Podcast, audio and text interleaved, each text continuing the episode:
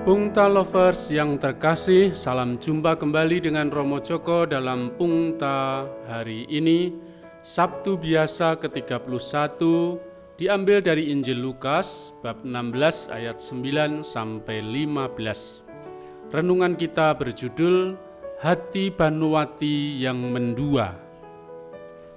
Banuwati secara de jure adalah istri Duryudono, penguasa di Astina namun hatinya sangat mencintai Arjuna.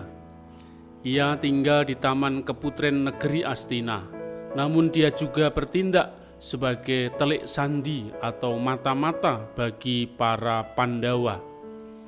Walaupun dia ada di pihak Astina, namun dia berharap Pandawalah yang menang dalam perang Baratayuda, sehingga dia bisa kembali ke pelukan Arjuna. Banuwati adalah perempuan yang mengabdi pada dua tuan. Dia menginjakkan kaki di dua tempat.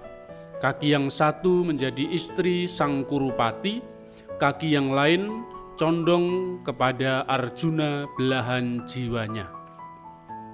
Sejak awal dia pernah berjanji kepada Arjuna, kendati dia diambil permaisuri oleh Pangeran Joko Pitono, namun dia akan selalu berpihak kepada para Pandawa. Janji itu dipenuhi saat Duryudono dan para Kurawa gugur.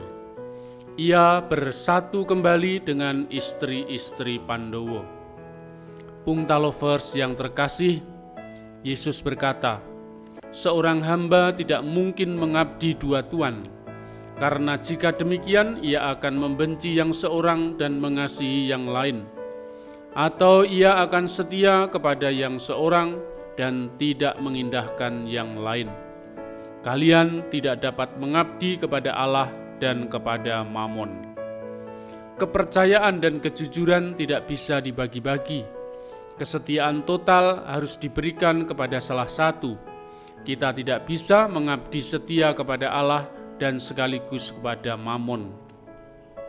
Mengabdi kepada harta benda sering membuat orang lupa dan tidak jujur.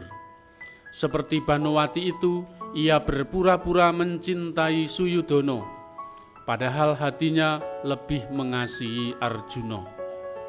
Segala tindakannya dilakukan dengan pura-pura, tidak setulus hati. Hal itu nampak ketika para Kurawa mati di medan perang Banowati tersenyum sinis sambil bergumam dalam hati, Habislah riwayatmu di tangan kesatria Pandawa yang terkasih. Tak mungkin bagi kita mengabdi kepada Allah sekaligus kepada Mamon. Kalau kita sedang bergelimang sukacita harta dunia, kita melupakan Allah. Kita mengabdi kepada harta dunia. Tetapi kalau kita sedang sekarat jauh dari harta, kita merintih dan mengaduh kepada Allah. Yesus pernah bersabda, "Carilah dahulu kerajaan Allah, maka semuanya akan diberikannya kepadamu." Apakah kita sudah sungguh-sungguh mencari kerajaan Allah dan mengabdi Allah dengan segenap hati? Ataukah hati kita masih condong kepada kenikmatan-kenikmatan duniawi? Waspadalah, Mamun tidak akan membawa Anda sampai kepada keselamatan kekal Mamon hanya bisa mengantar kita sampai di liang kubur. Setelah itu, dia tidak akan menyertai kita. Mamon harus ditinggalkan karena hanya Allah yang pantas disembah dan dimuliakan. Jalan tol merenggut nyawa lagi, kita berduka ditinggal Vanessa.